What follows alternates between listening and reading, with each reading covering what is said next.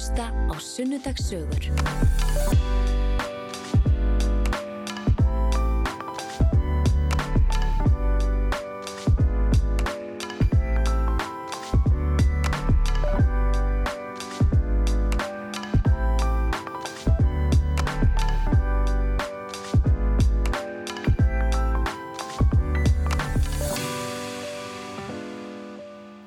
Gestur í sundarsögur uh, dagsins og uh, þetta er svona, já, ég að segja síðasti sunnudagurinn allavega í byli í minni umsjá og ég hef svona verið svolítið með þetta þema.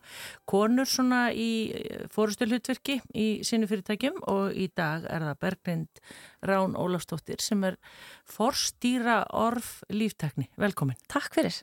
Þú ert að vinna með þetta orð, forstýra. Já, já, já.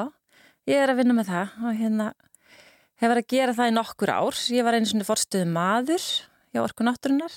Tengdi einhvern veginn ekki við það og margir kannast við þetta. Þú veist, máltilfyllingin er einhvern veginn að þróast. Já. Og svo var ég framkvæmta stjóri hjá Orku Náttúrunar og var svona að hugsa þetta, eh, hvort að það var ég.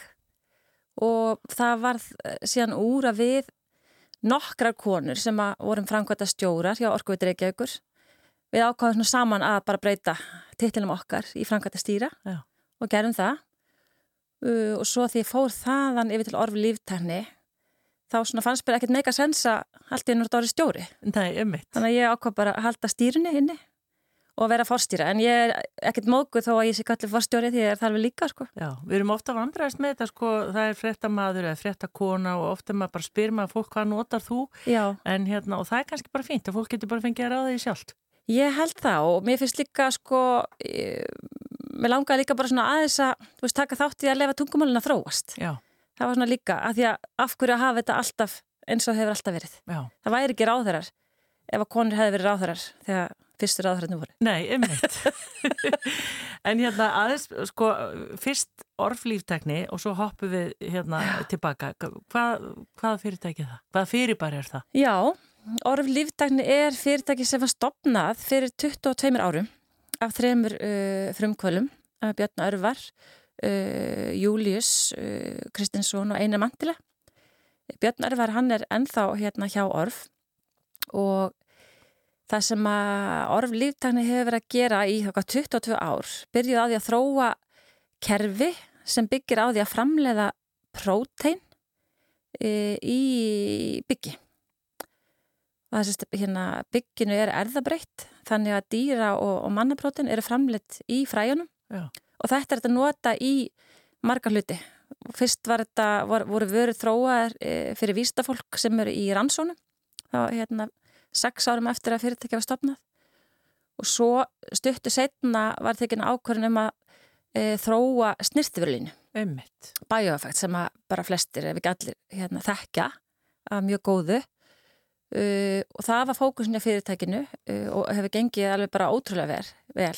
Svakalega flott vörumerki og flotta vörur. Uh, árið 2019 þá var svo ákveðið að setja uh, fókus til viðbútar á að framleiða prótein sem eru not, notuð í vist kjötsframleyslu það er það svona þrið, þriðja varan. Já, og svo í fyrra þá var ákvað að skipta sérst, orf líftanni upp í tvö fyrirtæki og það er annars vegar núna Bioeffect sem er bara sérstatt fyrirtæki og Líf Bergþórsdóttir er, er fórstjörð þar og svo orf líftanni sem er með í rauninni líftæknina Já. þróun og, og framlegslu á, á vakstarþáttum Já. og við erum með fókus núna á að e, skala upp okkar framlegslu e, til þess að geta þjónustað e, fyrirtæki sem er að framleiða vistkjött og það er svona markaður sem að er að fæðast. já, ummitt. Þannig að ég hérna geti bara einhvern tíma að fara út í búð og keppnið vist kjött. Já, það kemur að því, það kemur að því. Það mun koma því. Já. En hérna, hvað ertu fætt og hvenar? Ég er fættir Reykjavík og bjóð þar e, fyrstu tvö árin, bara hérna rétt, bara í lei, leitunum, Já, hérna rétt, já. 1970 og... Tvö, já. Ég man alltaf ekkert eftir tí, ég man eftir mér e, í Kópóinum, ég flutti þanga því ég var bara tveggjara, Mm ólst upp í Efstahjallanum. Östubænum sem sagt. Í Östumannum, já, já. Og það var, það var náttúrulega þá svona hverfi sem var í uppbyggingu, mikið af krökkum og, og, og svaka fjör. Já, Og svo hérna byggum ég þetta sjö, þá veit ég svona nýju tíu ára, þá vildu fólkdæri minni fara að stekka við sig.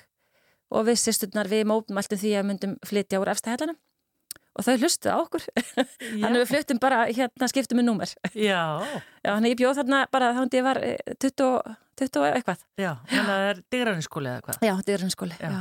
En, en hvaða mentó? Ég, já, þá hérna tók svona æfintýra þráin aðeins við og þá langar mig til að breyta Já. og ég fór í MS Kynnast nýju fólki. A, Já, algjörlega, ég það bara mér fannst ekki komið til greina að fara í MK sem er samt bara frábær skóli en ég langaði til að prófa okkar nýtt eftir að hafa verið hérna, tvo áratíu sem er gutinni Já, ummitt, sniðugt. En hérna, og hvað, eins og segir, alltaf út að leika, þetta er tíminn sem við vorum alltaf út að leika. Já, þetta var svolítið svoleiðis, það er það sem að mann maður var bara í einu krónu og hleypandi hann um göttuna með hinnu krakkonum og var hérna rosa sektur þegar var kallað hérna á mann til að koma í mat eða fara svo, Já. sofa sko. Og kópórun er þarna í, að ég er sjálf kópósbúi, sko, þekki þetta hérna, ég þarna niður í grundum. Einmitt, Þetta já. er rosalega uppbyggingarna Já. á þessum tíma. Já, já. Og það var fjör og bara, það var bara aðeinslegt að alls þarna upp og, og ég hérna bara margar góða vinkonur síðan hérna sem ég kynntist bara þarna, 5-6 ára. Ummitt. Hver eru fóreldreinir? Ólafur Karvel Pálsson heitir pappi minn, hann er fiskifræðingur og Svandis Bjarnandóttir heitir mamma mín og er skrifstofmanniska og þau er bæði komin að eftirlaun. Já. Eru hérna að njóta lífsins og spila golf og hérna, ég vindaði stundum mjög mikið. Er það ekki? Af því það var heilsuna. Já, ummitt. Já. Já. og bara þetta, hvað á ég að gera í dag? Já, ég er sem að fara í golf bara. Já, nokkulega. En hvað, hérna, á mörg sískin? Eina sýstir. Eina systir. Já, Margrét Ólaf heitir hún og hún er hérna, reikur ekohúsið í síðumóla. Já, Það er svona já. búð með vistværum vörum, bara fyrir heimilið og, og fött og skó og leikfeng og alls konar. Já, þannig að þið eru svolítið í sama geranum. Já, já, já, Já. Hvað, hérna, þegar þú segir það. já, ég er fyrir að pæli. En hérna, og hvernig stelpa varstu? Íþróttastelpa eða varstu í... Nei, því miðus, ég, var alltaf langa til að vera íþróttastelpa en ég var það bara alls ekki, ég verði alls ekki. Ég var svona róleg, ég var rosalega róleg krakki og alveg hérna, mér samvinskusum. Duglega að læra þá. Já, ég gerði bara það sem var allast til að mér. Já. Það þurfti ekki að ræða það neitt og las alveg rosalega mikið. Uh, las og svo hérna lærði ég á píano í tíu ár. Já. Þannig að ég var svolítið mikið að hérna, ég var náttúrulega að leika og, og, og var alveg sósja líka en var mikið að lesa og, og fannst mjög gaman að læra píano og lærði alveg píano hann til ég var 19. Og hvað hérna er eitthvað sem þú kant enn í dag? Getur þú sestu píanói? Ég gerir ekki mikið af því, alveg rosa lítið. Það, hérna, því sestu píano þá er ég svo pyrruð sko ef því hvað er hún styrð. Þannig að hérna, en einhver leita vegna spilaði stundu því ég fer til mamma og pappa. Já. Þó ég með píano heima, ég tek mjög sjaldan í það. En ertu þá sem að þú kant nótur? Þú Já. ert ekki að spila eftir eiranu eða? Nei, nei, ég, ég strækaði það þegar ég var hérna krakki sem ég sé náttúrulega eftir. Já. Að það er eiginlega, það er svona svolítið mikið virði í því að kunna spila eftir eiranu, en ég er ekki þar. Nei. En grunnurinn er samt hitt, held ég. Já. Að þú ert með, hérna, kunnáttunum með nóturnar og svona. Ég gæti ákveðið að taka tímið en ég hef ekki gert það. Þannig að kemur áskorun frá mér Já, einhver tíma. en hérna, og sem sagt, svo ferðu í MS Já. og ertu þá bara ein úr þessu hópi kópóinum sem ferði í staðanskóla eða hvernig? ég fórum tvær og en hérna vinkona minn hún hætti eftir fyrsta árið. Þannig að ég verð bara hérna e- einu kópáðun þar og hérna eignast bara nýja vinni og en hef alltaf haldið sambandi við, gamli vinnina Já. líka. Og, og MS er þarna, þetta er bekkjakerfið, eða ekki? Jú, jú, það er bekkakerfi. Mér langaði að fara í bekkakerfi, þess vegna valdi, valdi ég MS. Já. Og í hvað, svona raungreinar eða mála eða? Ég fór hérna í náttúrufræði. Ég vissi ekkit hvað ég vildi gera en, en tók svona skynnsemin á þetta, að fara á starffræðabraut og svo náttúrufræði, af því þá er ekki loka á neinar leiðir inn í háskóla. Þannig ég veit ekki hvernig það er þá, en þá, þú, þú hérna, gast ekki farið í alla dildir nema að koma af raungrinnabraut. Nei, einmitt. Þannig ég ákvað það. Og hvernig mentaskóla pæja varstu? Varstu pæja eða varstu bara heima að læra og lesa og spila nei, píanó? þá ég var hérna á maður ekki bara að vera alveg hinskilin. Ég, ég tók svolítið jam tímabil þannig, ég menta Mátt alveg vera reynskil. það var bara þannig. Þá, hérna, þá hætti ég að vera svona eh, rosalega rólega og ég var Já. og hérna, þá var bara mikið partí og mikið sósjál og, og rosa gaman. En já, já, ég, hérna, ég læ- ég lærði alveg líka Já. en hérna, ég var ekkert að fá henni velun, sko. Nei, nei, en þetta En eru hérna- mentaskóla árin, segja þetta bara skemmtilegustu ára. Já, já, já, já, já, það var, það var, hérna, það var mjög gaman. já. En eftir útskrift? Já, ég hef náttúrulega vissi ekkert hvað ég vildi gera svo sem eftir mentaskóla árin, þannig ég ákvað að taka mér frí eitt ár og fór til bandaríkina sem var alveg frábært ár og þá svona fattaði ég, svona áttaði máði hvað hva er gaman að vera í skóla. Já. Komið maður aðeins leið á skólanum hérna eftir stúdatinn og vissi svo sem ekkert hvað ég vildi og ég tók hérna bara hvað heitir bæklingurinn sem háskólinn gaf út svona þykkur dóðrandur las hann bara alveg allar deildirnar og all fögin og allt og, og, og átti svolítið erfitt með ákvæða, ákvæða mig eitthvað með það, hvað ég vildi læra en svo hérna ákvæða ég bara að læra fóri líffræði venn þess að mér fannst það áhugavert. Pappin, fiski? Já, hefur örgla haft eitthvað með það að gera. Ég fóri heimsó til hans stundum nýra á Havró þar sem hann var og, og fekk að skoða flugur í viðsjáni og svona. Að mér fannst það svona forvinnilegt að vita hvernig hlutinni virka og veist, í hérna hvernig svona lífveru virka og vistkerfi. Þannig að ákvað færi það og sá fyrir mér að fara í vistfræði sem að mér fannst eitthvað heillandi áður en ég byrjaði náminu. Og var það komið eitthvað af stað þarna á þessum tíma eða? N ekki þannig, Nei. nei, það var engin, engin umræðum umhverfismál og, og svoleiði sko. En, en svo fór ég bara í fyrsta erðafræði tíman á fyrstu önninni. Þá bara breyttist það algjörlega, þá bara hillast ég af erðafræðinni og samendalífræðinni Já. og ákvað bara þá strax að fara í þálínu og það var hérna prófessor sem eh, hefur haft nákvæmlega þessi áhrif á mjög mörg önnur. Guðmundur Eggertsson ummi. það var kom ekkert andi greina Nei. Og hvað útskrifaðist maður þá sem? Þá? Það, þá var þetta rauninni bara e, það sama, það var, voru, maður svona sérhæði sig en það voru ekki svona línur. Já. Í dag myndi þetta heita samendalífræði. Þannig að svo þegar ég var svona nálgast útskrift þá kom maður í, í skólan að kynna fyrirtæki sem maður var að fara að stopna sem að heit Íslenska erðgreining og heitir og ég bara trúði ekki að þetta var að fara að gerast sko að hérna, Býtu, þarna eru við staðsettum okkar aðeins í tíma. 96. Þarna er 96. Já, já. það er Kári þá. að Kári, já, já. Og ég bara hugsa, ok, þarna ætla ég efina og hérna fór Vá, þangað. síkrita er þetta ég þurftur aðeins að hafa fyrir því að fá vinnu þarna sko, en það tókst að endanum, þannig ég byrjaði að vinna því ég voru ekki ráða þegar ég var að klára skólan sko. Já. En hérna, Og hvað færðu þá að gera? Þá bara rannsóknstofu eða? já, já, þá fór ég bara strax til útskrift að, vinna þar, það var kannski cirka 30 manns að vinna þar á náttúrstofunni og Og hvað voru það að rannsaka? erðafræði, Já. já, bara þetta er mannarðafræði rannsóknir, rannsaka erðafræði algengra hérna, og svona flókina erðafræðilega sjúkdóma Já.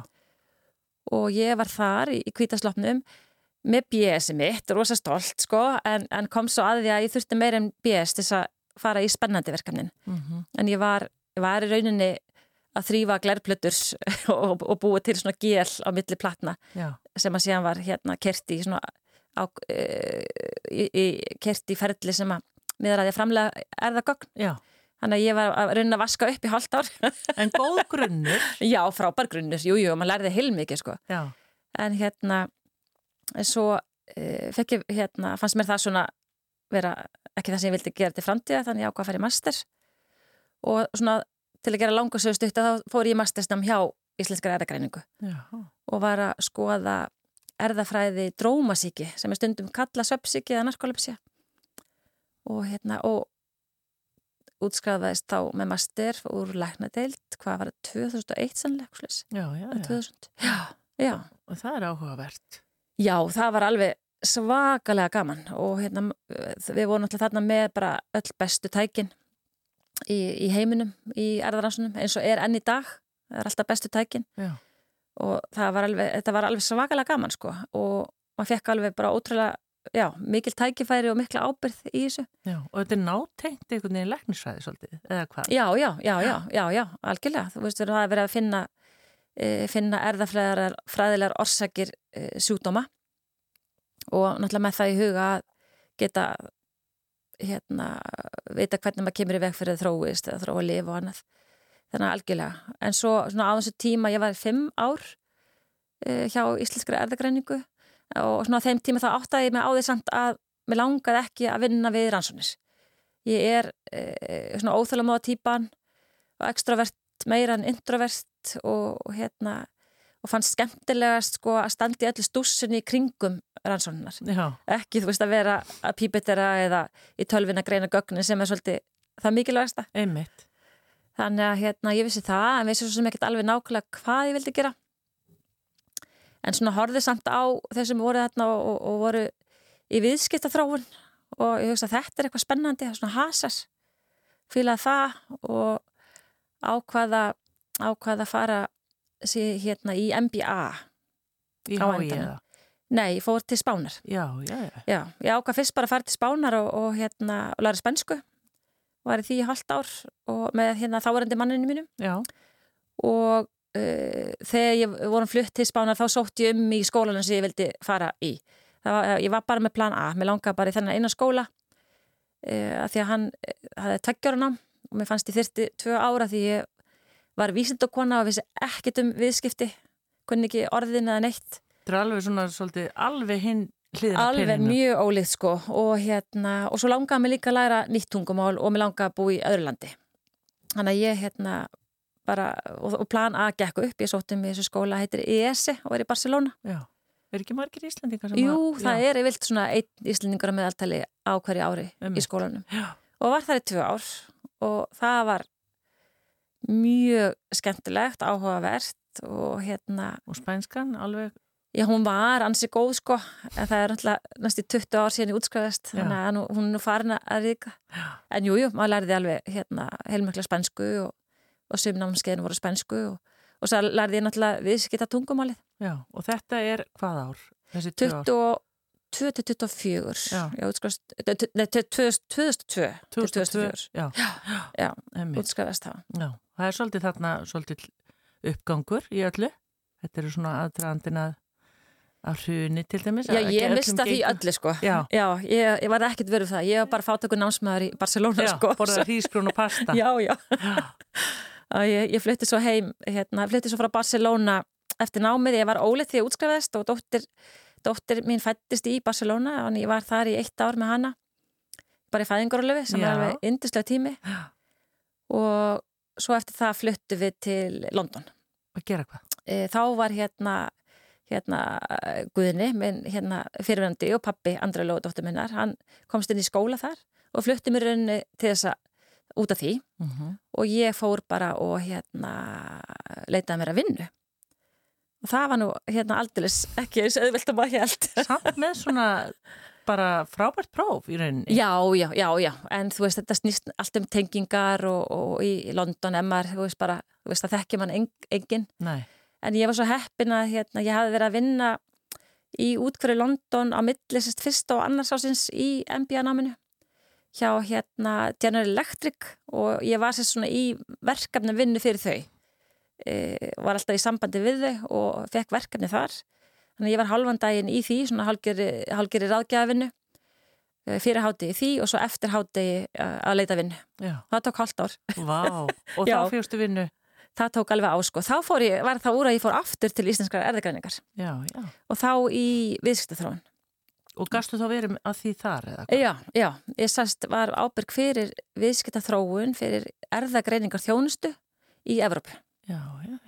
Þannig að ég var þarna í tvö árið því og var að ferðast út um allt að hitta vísindafólk hjá háskólum og, og lifa fyrirtækjum. Þetta hefur spennandi.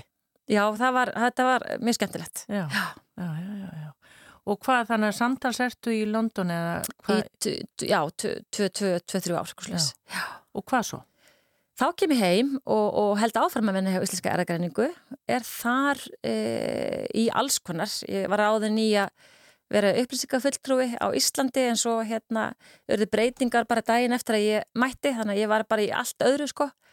E, svo það var bara alveg í hérna hvort það var bara daginn sem að bankatin fjalli þá fór ég aðunum viðtal hjá hérna dóttir fyrirtækja Aktavis sem hétt Metis og heitir Metis. Já, 2008, hann að oktober. Já, já, já og hérna, ég var nú alveg vissum að viðtalinu er þið kansilerað en það var ekki og hérna og ég fór þangað sérst á í viðskiptaþróun áfram Já, já, já. og var þar í, í fimm ár í, og bara ábyrð á viðskiptaþróun í stærstu mörkuðunum í Austur-Európu þannig að hérna Wow. var að færast mikið þá til Póllands og Tjekklands og Ungarlands Þannig að þá, þá hefur við væntalega hérna 2008, þá að því talaðum um sko uppgangin hérna fyrir 2007, þú væntar að fundi eitthvað fyrir þessu þarna, eða hvað? Eða hafði það ekki áhrif á þetta fyrirtæki?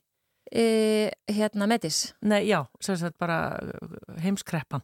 Sko, ég varði einhvern veginn ekkert mikið verð við það, sko. Þetta er náttúrulega, þú, þetta er hérna samhend að lifa geirin, sko, sem kannski frekar styrkist ef eitthvað er í, í kreppu.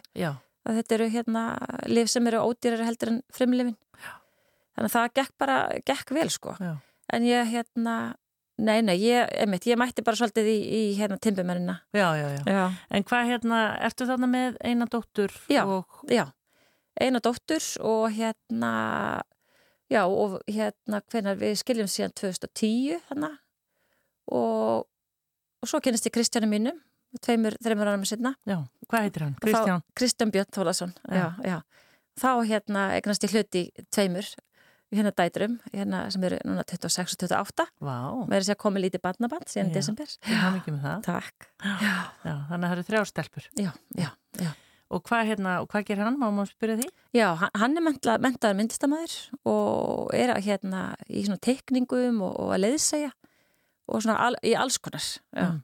En hvernig var á þessum tíma að þú veist að vera áða vel við því að vera mikið á ferðalögum og svona? Er það eitthvað sem bara þú elskaðar eða Sko, mér fannst það alveg bara æðislegt fyrst og, og ég var bara að gera nákvæmlega þess að ég vildi gera. Bara að, hérna... hitta nýtt fólk? Og... Já, já, mér finnst það alveg ennþá gaman en mér finnst það alveg líka gott að vera á Íslandi. Þannig að en maður gerir það bara, þú veist, það þarf sko. Já. Og það komið svona tímabil þar sem ég þarf að ferast mikið, eins og til dæmis núna. Já, svo hérna eru, kom alveg bara 5-6 ára tímabil hjá orku náttúrunar þar sem að þurfti ekki að ferast mikið það var líka aðeinslegt já. Allt, allt er gott í hófi bara. já, já, já, já, með öðru. Og þarna ertu hjá Medis og er það bara, því maður nú ekki alveg kunnugur sko, er það, það fyrirtæki til ennþá? Eða? já það er til ennþá og, og það er náttúrulega þá hluti af tefa sem að, hérna nú er ekki neitt tilnett sem heitir Actavis Einmitt. og var, það var svo skemmtileg tími líka og, og svo bara frábært teimi og góð stemming þannig að ég gerði það sama í fimm ár sem ég bara aldrei gert ég þarf alltaf að vera að gera eitthvað nýtt sko. Hérna, hérna, Og þannig er Berglind Rán svolítið í svona essinu sínu, hitta fólk og... já, já, já, já, já byggja upp sambönd og, og hérna, loka dílum og svona. Já. og svo kom að því að mér langaði til að breyta til e, og fara í eitthvað spennandi og, og svona, mér finnst líka svona vildi fara í eitthvað sem verið mikilvægt og skipti máli. Og ég veist sem ekki alveg hvað en var svona heit fyrir einhverju sem að skipti Ísland máli og, og hérna og harði svona á sjáratvegin og, og svo orkugeran Mhm. Og þarna er uh, umræðan um umhverfismál svolítið farin í gang. aðeins kannski, já, aðeins kannski 2000 og- að því- 12. 2012. 2012, já. Já. og hérna svona því ég var, því ég var að byrja að horfa kringum mig þá sá ég auðlýsingu frá landsvirkun og ég tikkaði í all bóksin við konur þurfum ofta að tikka í all bóksin til þess að kemur. Já, heyrðu, ég hef heyrt þetta áður. já, Við séum svo samvinsku saman, við þurfum já, alveg að... já, við höfum endilega að sækjum þá við tikkum ekki í all bóksin og, en, en ég tikkaði all bóksin þarna og sóttum og, og vissi svo sem ekkit um orkumál eða ramagn Og hva, hva, hvert var starfið eiginlega? það var, þetta starf var eh, snerist um að eh, selja uppruna ábyrðir og hérna og það var úr í fóri vittal fyrir hátegi daginn og, og svo eh, og það bara hérna Rikki sem að tók vittalið og hérna var síðan hérna kollegi minn og yfirmaður hann samfæraði mig bara hann á nógunni að orku gerin væri málið Já. þannig að ég hérna fór í bara annað vittal eftir hátegi og var áðin bara hérna sam, samdægurs og hérna mjög hérna til fyrirmyndar hversu rætt var gengið frá þessu. Já, en Berglind, Og- þarna er svolítið bara mikið ólíkt því sem þú hafðir gert áður. já, já, já, sem að eh, mér fannst líka spennandi. Og hérna, mér finnst í rauninni bara skemmtilegast því að stend frammi fyrir einhverju nýju er bara að læra allt og veit ekki alveg hvernig ég á að nálgast litina Já, en það er áhugavert að heyra þið segja þetta vegna þess að uh, eins og segi, konu teki bóksin og svona að maður þóri að sækja um starf sem að þó maður sé ekki alveg sérfræðingur á þessu sviði. Nei, nei, nei, nei, ég, einmitt, einmitt ég, ég var bara ekki, alls ekki sérfræðingur sko og þurfti alveg að hérna kafa onni í þetta uppruna ábyrðakerfi sem hefur verið mikið í umræðinni Einmitt. og, og gerði það, var einhverja þrjá, sex mánuði bara í því og svo fór ég alls konar önnu verkefni líka, önnu framhaldinu og hérna, svo voru bara líka mjög spennandi og var, var á marka svo viðskipta þróunarsviði hjá landsvirkun í, í fimm ár, Já. þetta er einhver fimm ára síklus hjá mér alltaf, Já, þú Já. ert í fimm ára já, tímatöfnum. verðist vera sko Já. og fór þaðan í, til orkunátturinnar, þannig að ég var aðeins sem forstuð maður fyrirtækja markaða Já. og var í því í eitt ár og þá tekið við tímabundi sem framkvæmtastjóri. Já, en orkanáttúrunan bara því manni finnst það pínuröglingslegt, þetta, Já. þetta er dóttu fyrirtæki Dóttu, dóttu fyrirtæki Orkuvitur Reykjavíkur. Eitt af fjórum. Já. og orkanáttúrunar er meðal annars er það ekki eða Jú. er? Helliseðavirkjun og, og Nesjavallavirkjun og svo Andakilsarvirkjun í Borgarferði og hérna Orkanátturinnar framleiðir sérst ramagn fyrir bara allt land og svo heitt vatn eh, fyrir höfuburgarsvæðið. Já. Sirka helmingin af heita vatninu sem við notum hö- á höfuburgarsvæðinu. Já. Og þarna er umræðan orðin daldið svona mikil um, um bara umhverfismál. Á þessu tíma, já, já þá, er, þá er hann búin að aukast mikið frá því hérna 2012 e, þegar ég berið var, þá var svona, þetta græna var svona næs 2010-12 en engin tilbúin að borga fyrir það. Um eitt. En þarna var þetta orðið allt öðruvísi. Þá var þetta bara ok, þetta er bara, þetta er ekkert mjúkt mál. Þetta er bara alveru. Já. En er, þarna, er þetta tímabili sem er að byggja hellisega virkun? Eða, Nei, nei. hún er komin hann að, Já, það er búið að byggja hérna alla virkjanir já, og, og hérna og snýst málið bara um að viðhalda þeim sem er svo sem ekkert bara, það er heilmikið mála að viðhalda jarvarma virkunum og uppbyggingin e, fólst í e, þjónustu við rafbíla einhver. að því ég er búin að vera svo lengi í Já, já. þá bara fannst mér á tífambili, ég á búin að taka svo mörg viðtöl um rámáspíla og það einhvern veginn gerðist aldrei neitt. Já, já, já. Þetta er í fyrsta skipti núna sem manni finnst þetta að vera komið á eitthvað skrið. Já, emmitt. Það er, nú eru svo margir farnir að- að taka þátt Já, og það er akkurat þessi þurfti, sko. Já. En, hérna, en orkanátturinn að reyða vaðið og var lengi, og það var á þannig ég byrjaði þar, já, var lengi einn með boltan, sko. já, Og það, var frábært að hérna, bara fyrirtæki, alls konar fyrirtæki, já. eru komin í að þróa innviðan áfram. Og var þetta eitthvað svið sem að svona þurftur að kynna þetta vel eða var þetta, já, auðvitað lærdomsríkur tími þarna? Já, já, mjög, mjög. Og hérna, allt öðruvísi heldur en það sem ég var að gera hjá landsvirkjun, en þarna var ég með bara, þú veist, heldamyndina.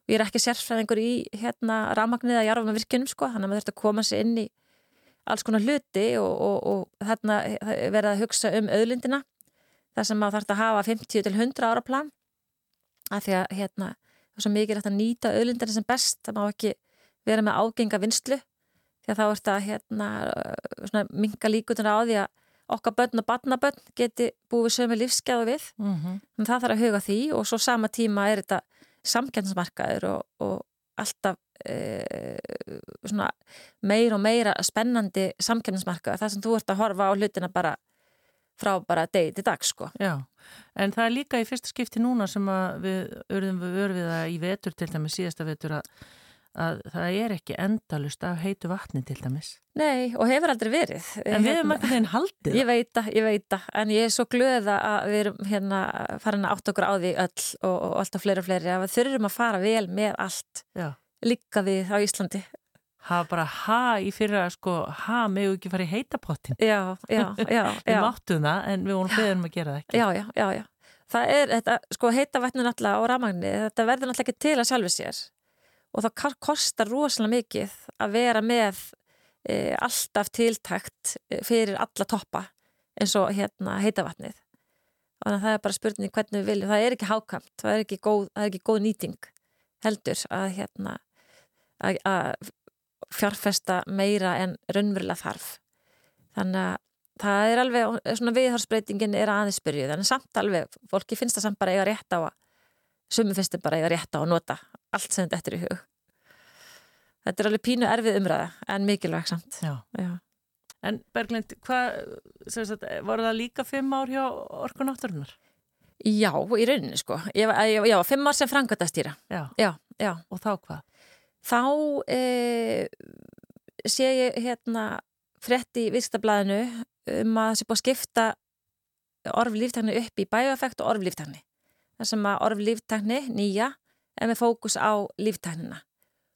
Og hérna, og hjarta bara tekur smá, auk, nokkur auka slög hérna því ég sé þetta að því ég var búin að fylgjast með fyrirtækinu alveg síðan var stopnað og svolítið með stjörnir í augum því að þetta er svo sjúklega áhugavert að því með finnst og sérstaklega þessi fókus á vistkjötið og að því að uh, kjöt neistla veldur 15% af losun gróðursloftegunda í heiminum sem er einhver smá biti. Og þarna er verið að þróa og það er til tækni til þess að bjóða upp á eitthvað annað uh, sem þú getur neitt en á sama tíma verið að stuðla minnilosin í heiminum. Mm -hmm. Þannig að þetta var eitthvað sem að mér fannst alveg svakalega áhugaverð. Þannig að ég rétt upp hönd og segist að það var áhuga á samtali um hérna, starf hérna, þarna, fórstjóra eða fórstýru og, og allavega til að gera langa stutta þá byrjaði þar í februar Já. á þessu ári. Já. Er þetta af því við þekkjum sko í gamla daga var alltaf soja kjöt? Já, Er þetta eitthvað, er þetta eitthvað eitt við það? Ef við bara Eh, tökum Nei, það? Ja, þú veist, þetta er, þetta er valmöguleiki á móti eh, svona hefðbunni kjöti þar sem að dýr eru alinn og, og, og þeim er slátrað. E, og getur ákveð að borða sójakjöt þar sem er hérna, minni losun og þú getur líka ákveð að borða grammiti og sójakjöt og alls konar kjöt, þú veist, það er líka til bauna og, og, og sveppa og alls konar. E, og það er lofslæslega sé, þá er mjög gott að borða þetta í staðin fyrir e, hefðbundi kjött en vandamáli er að neytendur er ekki að borða þetta. Vinna, þetta, salan á þessum e, svona plöntu valmöguleikum er mjög flött þannig að fólk vill kjött svona heilt yfir. Það er meira þessi sem er búin að ákvæða að vera vegana græmöti sem að kaupa, kaupa þetta. Og bragðið er það er ekki eins svona þetta bragðist ekki eins. Þannig að það þarf að búa til einhverja aðra valmöguleika og vistkjötið verður einn af þessum möguleikum. Já. og þetta uh, er svona geiri sem að er í er að svona fæðast. Og fyrsta svona alvöru skrefast í fyrir tíu árum síðan.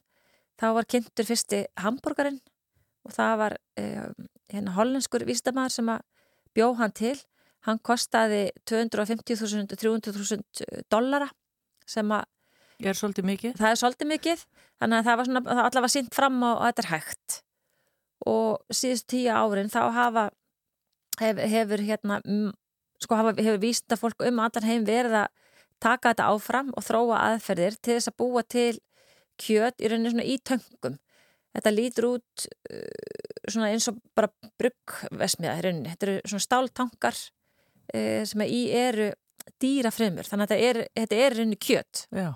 Þetta er ekki, hérna, þetta er ekki plöntur. Og kemur þetta svo út úr töngunum bara svona eins og, er þetta steift svo í eins og, Já, já, já, sko, þetta kemur út á töngunum og svo er það hérna meðhandlega til þess að búa til endanlega vöru sem að getur verið bara kjúklinga, eh, litið út þess að kjúklinga bringa.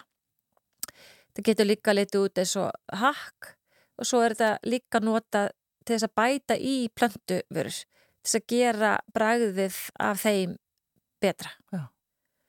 Og hérna það, það, þetta er, e, núna má selja vist kjött í tveimur löndum í heiminum. Það er Singapur sem eru langt á undan öllum öðrum stjórnvöldum. af hverju það? Þau, sko þau, ég held að svona, eh, þau, yfirveld þar eru fókusir á fæðuöryggi og Singapur er lítið land og það er hérna ekki mikil rektun sem að, sem að er þar, að þetta er bara svo lítið svæði og þau eru búin að ákvæða það að árið 2030 ætla þau að framlega 30% af e, matnum sem er neitt þar í Singapur og þannig að þá þurfum við að leita nýra leiða. Og það, það, ég held að það sé svona aðal aðal e, ástæðan fyrir því að þau eru á undan. Mm og svo eru bandaríki nummið tvö. Og í sumar þá veittu yfirveldi bandaríkjunum tveimur fyrirtækjum markasleifi til að selja vistkjött þar. Og þannig að þetta er selt á ennþá, ennþá bara á svona fínum veitikastöðum, þetta er ennþá dýrt en svo myndi að þróast áfram og, og smá saman hérna vera hérna standa til bóða á fleiri stöðum og, og svo mun verða líka bara lekkandi með tímanum, að þetta er þróun Já. En hvar er þetta stætt á Íslandi? Á Íslandi er hérna lítið að gerast í þessu nema bara að það er orf líftækni er að, að, hérna, er að einbeta sér að þessum geira og ætlum að stækka þannig að við getum vaksið með e, visskjötsmarkanum. Við á Íslandi við erum náttúrulega samfærið að Evropasambandinu í þessu. Fyrir allan nýja mat þá þarf þá er svona reglugerðir utanum það uh, og það þarf bara út frá svona bara öryggi neytenda. En því miður þá er Evropasambandið er lang lang síðast sko í þessari þróun. Og það er ekkert fyrirtæki búið að senda inn markasleifi sem svo til Evropasambandsins það er svona óskilt hvernig á að gera það og, og svona mm. þannig að það er búið hérna, fjara fyrirtæki sem hafa sendið inn markasleifi í Sviss og Breitlandi mm -hmm. og mikið gangi í öðrun löndum í Asju líka en vonandi svona bara hýsjar Evropasambandið upp sem hérna brækunar og hérna og nær hinnum og helst færi fram úr sko. Já, en ég meina, er þetta eins og hjá ykkur orðlýftekni, er þetta fjárskortur að þið séu ekki komin lengra eða er þetta bara svona eðlilegt að þið eru bara á, á þessari vekkferði eða? Já, e, e, sko þetta er í rauninni, þessi vekkferð byrja 2019 e, og þá var tekin ákvönni á orfum að, að hérna að setja stefnuna á þetta og þá var sótt um styrk til Európa Sambatsins til að þróa þessa vörlínu og hún hefur síðan verið bara, já, fyrsta varan kom að markaðin 2020 og þarna voru við rauninni mjög snemma komin inn á uh, þannig marka sem er rauninni var ekki til bara, var bara á algjörlega á rannsóna stíi en það var til þess framsýni þeirra sem þá, þarna voru hjá orðlíkt hanni það var til þess að við erum komin og búin að byggja upp samband við e, meir hlutan af öllum þessum fyrirtökjum sem að hafa verið í þessu núna síðustu ár. Mm -hmm. fyrst á rannsóna þróunustígi og nú er þessi fyrirtökja nálgast það að skala upp og eru búin að fjármagna uppskólina sína. Þannig að nú eru við að hérna, komu veru sem virkar og hefur alveg svakalega gott orðspor í geiranum og það ótrúlega, hefur ótrúlega gaman að finna það hérna í samtalenu við viðskiptavinni bara í bandarækjunum og Asíu og Evrópa líka. E, og nú erum við bara að fara að byggja á því og erum að fjármagna í rauninni þá uppskulin orflíftækni inn á þennan markað. Já, En hefur þú Berglind Rán Ólafsdóttir smakkað þetta kjött? Já, ég smakkaði þetta kjött í, í mars á þessu ári. Það var ég búin að vera mánuð í bransanum. Já. og það var hérna ótrúlega skemmtilegt, ég var alveg með bara, bara gæsa húð allan tíman sko og en það besta var að þetta var mjög bræðgótt Já þannig að þetta var ekki sem bara sko þurr pappir Nei, eða... nei, nei, nei, við vorum En hverju líktist þetta? Þetta var bara kjött og þetta er náttúrulega kjött Þannig að þú skerði þetta, þá er þetta bara lítur þetta út eins og kjött eða? Já, þetta sem ég smakkaði voru þetta voru hérna dumplings, ég veit ekki hvað það heitir já, já. með japanskri agurhænu já, svona smátt skorinni og áferðin var, þetta var bara kjött, bræð, kjött, áferð, fallega kryttað, engifer og, og, og, og hérna eh, sítróna og það var bara virkilega gott og mér var náttúrulega mjög létt því að ég er ekki góð í að selja eitthvað sem ég ekki trú á, ég Nei. þarf að hafa trú á því. Og það er heldur ekkert gaman. E, og við vorum búin að vera á þessari ráðstefnu að borða alls konar gerður plöntum og beikun gerður plöntum og túnfisk e, gerður, gerðanur plöntum og og það var svona alltaf lægi en svona eftir tvo-þra bita var þetta svolítið svona, já, kannski pínu pappirslegt og það var bara allt annað að borða þetta. Já. þannig að, já, þetta er svona minn, minn smekkur, sko, svo finnst sem er bara plöndu ekki bara fín. Já, þá geta þau bara borðað það. Já. En, alltaf, en þannig þetta sko tíði það Berglind að þú verður að vera lengur í, enn í fimm ár ef þú ætlar að hérna, eða þú ætlar að vera að það þángu til að við getum fara út í búið Já, já, er það ekki bara þá bara markvöldu það með tveimur eða eitthvað?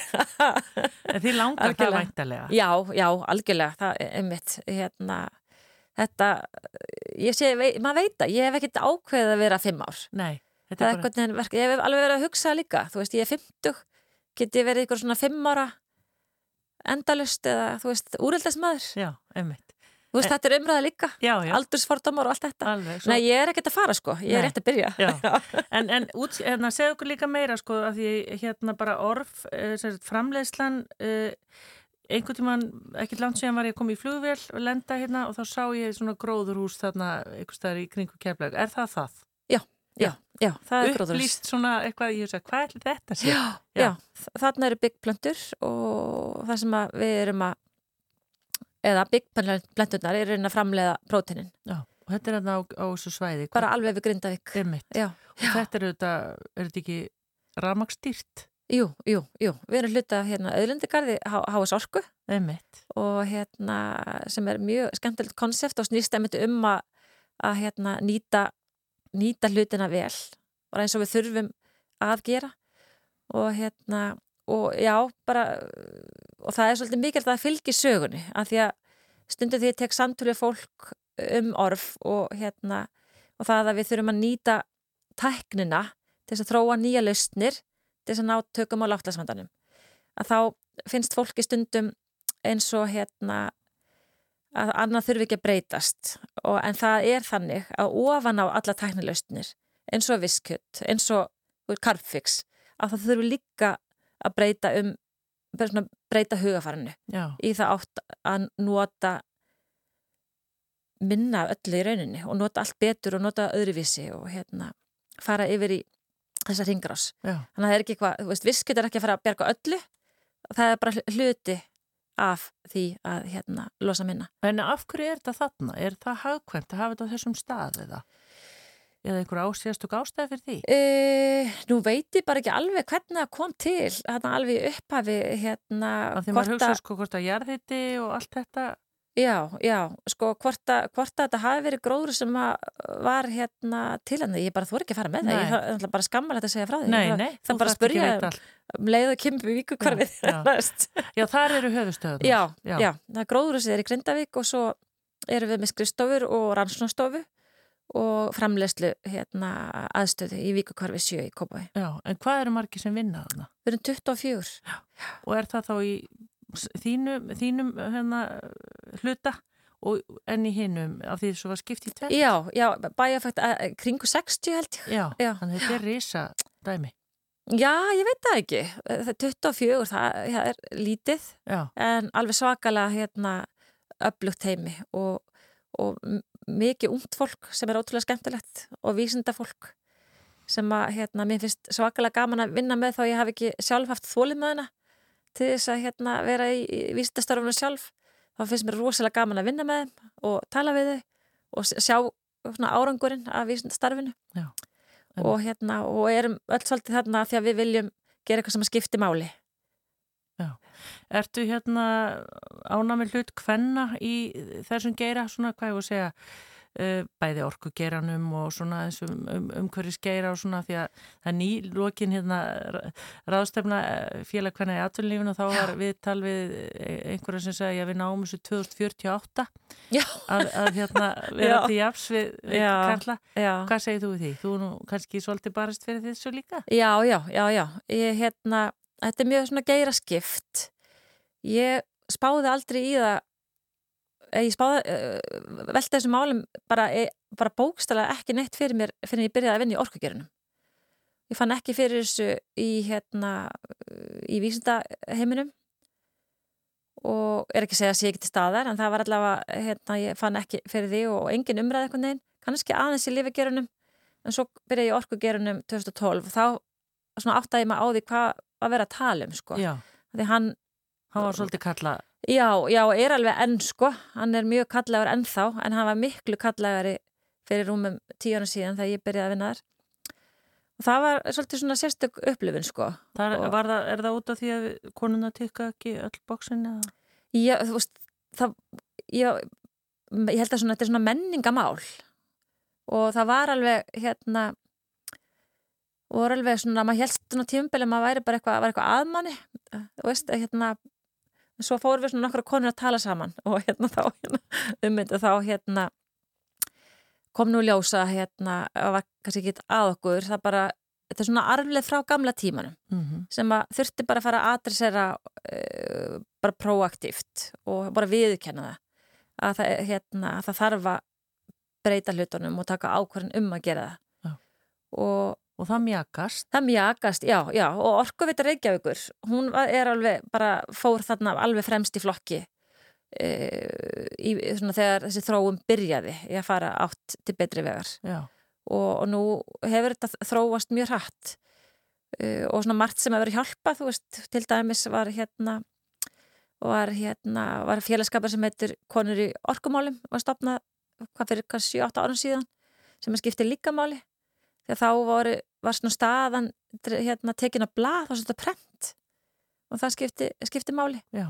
þannig að þetta þókast allt í, allt í rétt átt. Já, en Berglind, hvað hérna gerur þau þegar þú ert ekki í vinnunni? Já, uh, ég er alltaf mjög mikið að reyna að, að hafa áhagamál og hefur svona verið í svona bara ævilangri leita áhagamálinu sem ég held, svo sem að sé ekki til en mér finnst það svo gaman að vinna og hefur alltaf fundist gaman að vinna bara frá því að ég var úlingur uh, hérna. Ertu þá lengi í vinnunni, þú veist, ertu lengi að koma þér heim á daginn og... Já, fyrir eftir hvern þú spyrð. Mér finnst ég að vera orðin betri í, í því núna sko. En hérna En ef ég spyr heima fólki? Það, Já, hérna þá er það bara hissa að ég komin heim klukka 5 sko. En hérna Mér, ég, ég, mér finnst ég samt í alvörinu að vera betri í því En hérna, já En það er mikilvægt að gera eitthvað annað líka sko Og ég tek svona sirpur í áhagamálum Núna Sko ég á náttúrulega bara rosa mikið skemmtilegum vinkonum að vinnum sem að mér finnst mjög mikilvægt að hitta og finnst, mér finnst ég aldrei að gera nóg að því. Þannig að ég er mjög gaman að ég held að matabóð og, og gerum hérna eigum það sammeilegt sem áhuga mál ég og Kristján. Flink? E, þannig laga sko. Mér finnst hérna mér finnst að, já já, ágætt, mér finnst gaman að prófa nýtt. Já það finnst mér skemmtilegast sko einhverja nýjar auskritir fá svona einhverja hérna, eitthvað inspo og hérna og við erum alltaf, gerum, erum nú alltaf með vikulegt matabóð fyrir hérna dæturnar og, og, og hérna og svona aukadóttur líka, þannig að það er tíu manna matabóð á, á þriðutöf. Þið eru alltaf með það á þriðutöf? Já. Æ, það er gott að festa svona í dag. Já, því við áttum okkur á því fyrir tónungurum ára síðan að maður sér ekkert fullandi bönnin. Kakka líða kannski vikur og mánuðir og, og, og maður bara hittir, hittir, hittir það ekki. Nei. Þannig að við ákváðum bara, heyri það er matur á þriðutöf. já, Vegan þriðutöf hjá okkur. já, Þá er ein vegan. já, Nú er þetta bara svona grammetis, en við kallum þetta samt alltaf vegan já. Þannig að það er alltaf matabóð einu sinni í viku og, og Skiptist á að elda svona eða hvað já, ég held, hann elda nú meira en ég sko. Já, Já, og hérna, ég, ég, ég legg á borðið, já, jú, og hérna, kem og, og, og hérna, hjálpa til. já, En ég verð nú að viðkynna að hérna, hann ber nú, hitt hann þungan af þessu.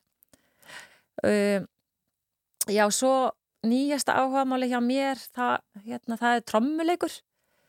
Þá, já, það endar, er á pásu. Þú svona, eh, ég er í smá pásu bara til að hafa hérna, hérna, pláss í haustnum fyrir alls konar hérna. En hvernig kom það til? Það var þannig að, e, ég og maðurinn minn vorum að bara eitthvað spjalla að fara yfir svona það sem okkur langar til þess að gera áður en yfir líki. Bucket list. já, já. Og, og eitt af listanum mér mér var bara mér langar, hérna, að læra trömmur. Og þegar ég var að ákveða að fara að læra píanó því ég var 8-9 ára að eftir blokkfrutin á mig og þá hérna var í tímanum þá áttu að segja hvað hljóðfæri okkur langaði til að læra og strákarnir segja allir trömmur og mér langaði til að segja trömmur að því mér langaði til að læra trömmur en ég þorði það ekki. Sem er alveg, hérna, það er eitthvað svona, eitthvað svona samfélagsleg skiliðing Það er eitthvað stelpur og trommum. Nei, nákvæmlega, það er hérna svolítið, þetta er nú aldrei spreytt Já, þannig að ég veit að ég hefði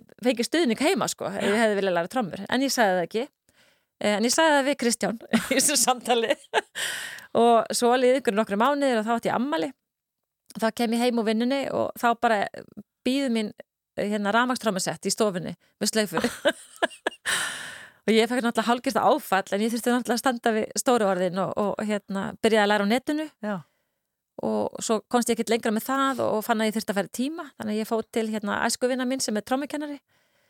Og búin að, já, var, og var í trommunáminu hjá honum og, og einum öðru kennara og kláraði búið með hérna hvað er það, grunnpróf Já, í almennu slagverki já. og grunnpróf í rithmisku slagverki líka. Mm sem er svona trommusett uh, og já, ég, ég þessi, taki þráðin upp eftir að hafa verið pásu frá því um áramótin teka hann upp á, á næsta ári. Já, en er þetta þá þannig sko ef ég væri að stopna hljónsættu og þetta Berglind, getur þú, getur þú verið á trommunum? Okkur vantur á trommuleikara, þú skætir Já, Ha? já, já, ég geti það alveg. Veist, ég er ekki góð en hérna, en ég get alveg, ég get haldið takti og, og ég, get, ég get spilað og hérna, ég, ég reyndi í 2-3 ára að stopna hljómsveit með fólki sem ég þekki og það voru allir til í það sem er kunni eitthvað smá hljóðfæri en enginn setta þessni forganga að æfa sig, Nei. mæta æfingar. Þannig að ég gafst upp á því og, og, svaraði svo auglýsing á Facebook bara e, og, og það sem að vantaði trommara fór í pröfur og hérna fór ansi langt út fyrir þægindiramman Var þetta sér hljómsveit bara, eða? Já, hljómsveit, svona, svona bílskúsband sem vantaði trommara og ég fór í pröfur og, og þau vildu hérna, þau vildu fá mig í hljómsduna og hérna, já, söluræðan hjá mér sko, þetta hérna var, sérst, gallarnir mínir eru þeirra, ég er ekki góða trommur og ég e, hef aldrei verið hljómsveit en kostinir eru þeirra ég, ég mæta æfingar og ég æfum að myndleira og ég var, við vorum hérna, ég var með þeim í hvað, rúm tvö ár sannlega Já, gaman. heldum tvo tónleika og Veitu, hvað heitir hljómsveitin? hún er kló og hún er Já. ennþá starfandi ég er, ég er, ég er hætt Já. Já. Já, já, að því ég ná, bara fannst ég ekki ná að sinna því nógu vel að því ég þarf alveg ennþá að æfa með milla æfinga og ég hérna, mér sleiðilegt ekki. að vera að gera eitthvað ég get ekki gert það almennilega já. Ok, þá erum við komið með eldamennskuna, fjölskylduna, trómuleikin og svo veit ég að þú varst að koma úr vin, vinkonuferð, göngu. Já emmitt, ég var að koma úr hérna ferð eh, sem að ég fór á Jakobsvegin með skemmtifélaginu Dolly sem að hérna vinkona mína Sif og Silvia stopnuði í COVID til þess að hafa meira gaman Já. og við vorum 14 sem fóruð þangað og það var bara æðislegt sko Mm, á að þegja á Jakobsveginum? Einhvern það. já, við erum ekki kannski besti hópurinn til þess að þegja mikið en hérna, en við þauðum samt Já. alveg eh, fyrir hádegi eða svona part úr degi Já. sem að var reyndar æðislegt sko þetta er alveg, og maður er svona alveg við erum nýkomnir heim og maður svona þarf bara svona að hugsa svona hvað maður tekur úr þessu öllu því að við vorum alveg að hérna nota tækifærið og, og íhuga ímislegt og veist, þakklættið og allt þetta Já, einmitt. þetta var daldi, þetta var daldi stutt fjóri dagar ég, ég sé alveg fyrir mér að það væri daldi áhugavert að fara í lengri tíma Já. að ná svona alveg svona góðu tímambili hérna einhvern veginn bara með sjálfum sér og, og hérna og hausnum á sér Já, kannski verður það einhvern tímann. Já, En svo eru þið almennir útivist eða eru þið duglega... Já, ég myndi ekki segja að ég væri mjög dugleg en, en svona, þú veist, við förum á skíði og hérna og gönguferður og svona. Og svo náttúrulega býðu golfið, Berglind. Já, ég er búin að vera í nokkur ári að reyna að finnast golf skemmtilegt og ég er alvörinni sko að því að hérna það er fárunlegt að fara á eftirlaun og vera ekki í golfi Svo það sé bara sagt. og ég er búin að fara á 2-3 námskeið en ég bara, ég næði ekki tengingu og, en ég held að sé að því að ég er ekki að taka nóg mikið tími í þetta. Þannig að ég er ekki alveg búin að gefast upp. Nei. og þannig að golfa á sumrin það, hérna, það er málið held ég. E, svona, eftir 70 og svo brits á vetuna ég er líka nýbúin að fara britsnámskeið.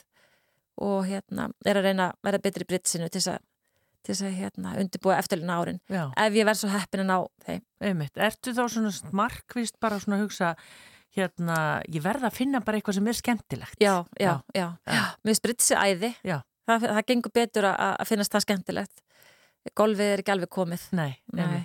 En hvað hérna finnst þér alltaf gaman, Berglind Rán Ólafsdóttir, frangatastýra orf líftekni að fara í vinnuna? já, mér finnst það Bara Ég, mætir hérna- þess og kátt. Já, e, já, já, já, já, ég hérna, ég eiginlega, sko, ég get ekki verið að gera eitthvað sem ég finnst leðilegt. Þá byrja ég bara að, hérna, að sjá hvað annað geti verið í bóði. Mm Og hérna, en mér finnst, já, þetta er bara, hlakka, ég hlakka alltaf til að fara í vinnuna. Ég er ekki að segja að það sé alltaf allir dagir, dagir dagar æðislegir.